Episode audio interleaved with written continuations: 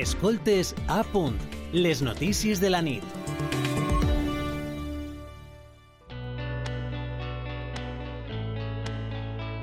Escoltes a punt, les notícies de la nit. Ahir es va complir un any des que el periodista Pablo González va ser empresonat a Polònia. Està en presó preventiva a l'espera de Jui, acusat d'espiar per a Rússia. L'han catalogat de pres perillós i està ingressat en una presó d'alta seguretat on el mantenen en aïllament en una cel·la sense ventilació ni llum natural. Segons el seu advocat, ho fan sense proves ni garanties processals. Així mateix, l'advocat tem que la presó preventiva s'estenga fins als dos anys que permet la legislació polonesa. Pablo González té doble nacionalitat russa i espanyola. En van detindre, el van detindre a 13 quilòmetres de la frontera entre Polònia i Ucraïna poc després de començar la invasió russa. L'Agència de Seguretat Interna polonesa el va arrestar quan cobria l'arribada de persones refugiades ucraïneses com a periodista independent i col·laborava, entre altres, amb el diari Público. Des d'aleshores, la justícia polonesa ha prorrogat diverses vegades la detenció de González, l'última fins al pròxim 24 de maig.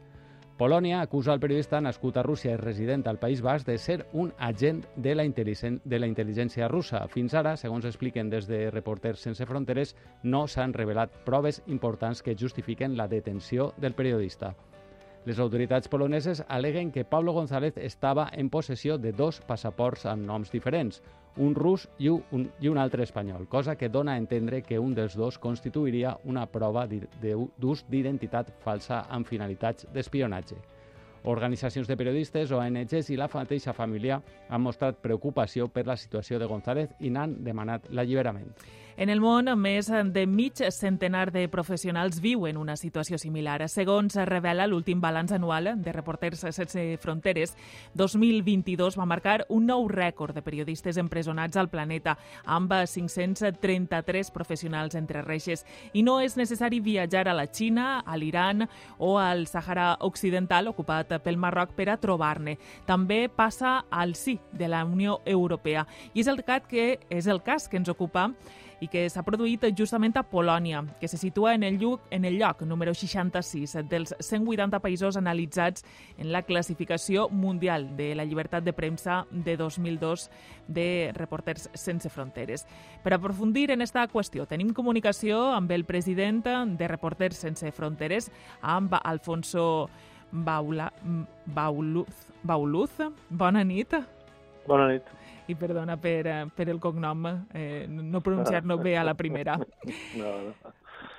Eh, pot ser sona obvi preguntar això, però com és possible que al segle XXI es puguen produir casos com el de Pablo González al sí de la Unió Europea? Bueno, eh, lo primero que bueno eh, se produce una detención junto a la, a la frontera de Ucrania donde estaba trabajando en, bueno, en el fenómeno de, la migración de, de, los que escapaban del inicio de la guerra.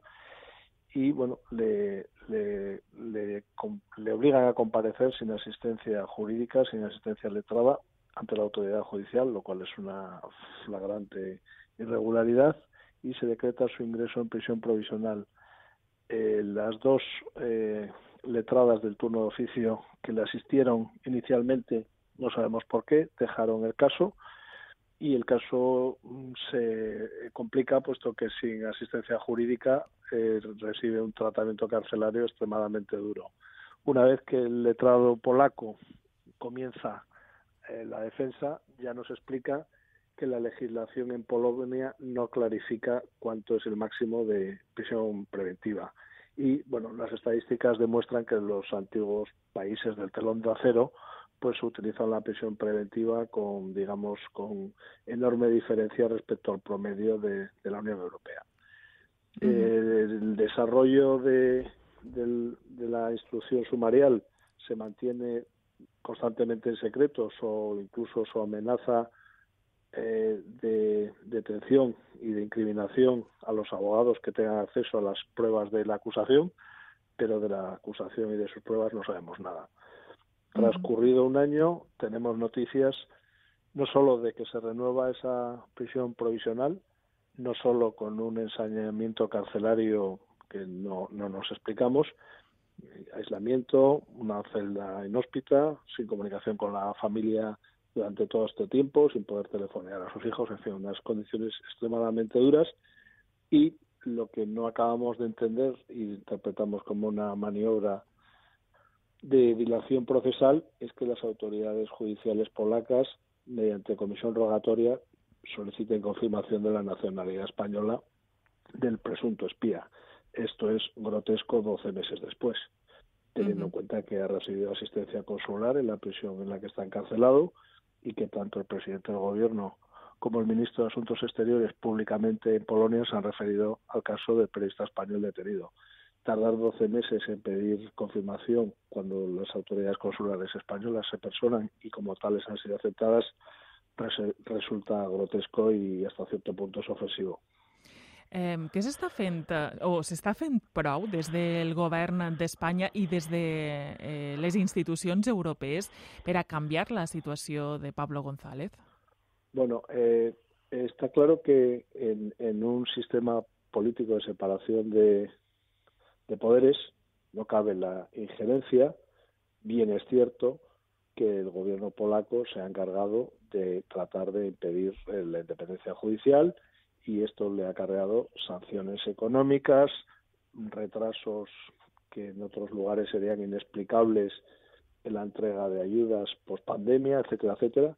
Pero eh, no olvidemos que gobierna la extrema derecha en Polonia y bueno, pues ese tipo de presiones tampoco surten gran efecto, como al igual que han tardado en surtir y no lo surten mucho en el caso de su vecino Hungría. La, la realidad es que tanto en la relación bilateral como en la relación de la Unión Europea, el único camino que parece factible es el que el abogado polaco emprendió al acudir a las instancias judiciales europeas para exigir lo que exige un Estado de Derecho, que quien acusa pruebe sus acusaciones. Esto es, que la Fiscalía y el Estado polaco que le acusan de espionaje prueben que es un espía. Si tienen tales pruebas, en un juicio con todas las garantías la realidad es que eh, la única expectativa que, puede tener es la corrección, al menos mediante la escarcelación y la libertad provisional a la espera de juicio, es que se lo imponga una autoridad judicial superior, en este caso comunitaria, i que no està sometida al dictado del govern polaco. Mm. Sí, de fet, eh, Polònia no? és un país al qual la mateixa Unió Europea ha portat del Tribunal de Justícia Europeu per per anteposar el seu dret nacional al comunitari i, i aquest mateix Tribunal Europeu ha imposat multa d'un milió d'euros al dia per entendre que la sala disciplinària del Tribunal Suprem polonès vulnera la independència judicial, que va, en certa manera, amb el que estaba comentando, ¿no? Correcto, es que el problema es que nosotros antes de todo esto ya habíamos denunciado el ataque a la pluralidad informativa por parte del gobierno polaco, tratando de recentralizar, retomar el control de medios, eh, obviamente con fines políticos partidistas, y además de las denuncias comunitarias sobre ese intento de control del Poder Judicial, pues nosotros añadimos, al igual que otras instancias y otras organizaciones defensoras de los derechos humanos y, bueno y de la y de la libertad política, el intento de control y de impedir la, pluralidad informativa. El problema es que Polonia es, digamos, uno de los socios de la Unión Europea con, la política más extrema y más alejada también en muchos sentidos de los valores que encardinan la Unión Europea. Um, no sé si cal assenyalar alguna qüestió més important sobre este cas, que és, uh, com diguem, doncs, uh, un cas inèdit, podríem dir, al si de la Unió Europea, almenys de moment que, que coniguem. Bueno, lo, lo único reseñable es que su abogado, en declaraciones a, a la televisión pública vasca, reconoció, pues no sé si hasta cierto punto, un, un bueno, o un un punto un tanto pesimista, pero bueno, dijo que, que no descartaría que, pudiera pasar tres o cuatro años en prisión. No sé si eso se debe al conocimiento que él pueda tener de las pruebas o se debe al conocimiento de cómo el, el gobierno es capaz de encarcelar a, a, quien considere necesario. La verdad es que procesalmente la, la situación es delicada en tanto en cuanto si están solicitando ahora mismo eh, confirmación de su nacionalidad española, pues no sabemos cuánto tiempo más puede dedicar a investigar a, al acusado. En cualquier caso, mm, si no tiene capacidad de señalar un, una vista oral pronto, pues debería de ser escarcelado y bueno, pues con las medidas de, control que pueda tener cualquier persona que esté sometida a una jurisdicción. Eh, per acabar l'entrevista amb un punt positiu, vostè es troba a, a Alacant perquè demà presenta mm, a la Universitat eh, Miguel Hernández d'Elx una iniciativa de Reporters Sense Fronteres que té l'intercanvi com a, podríem dir, eh, eix principal. De, en què consisteix?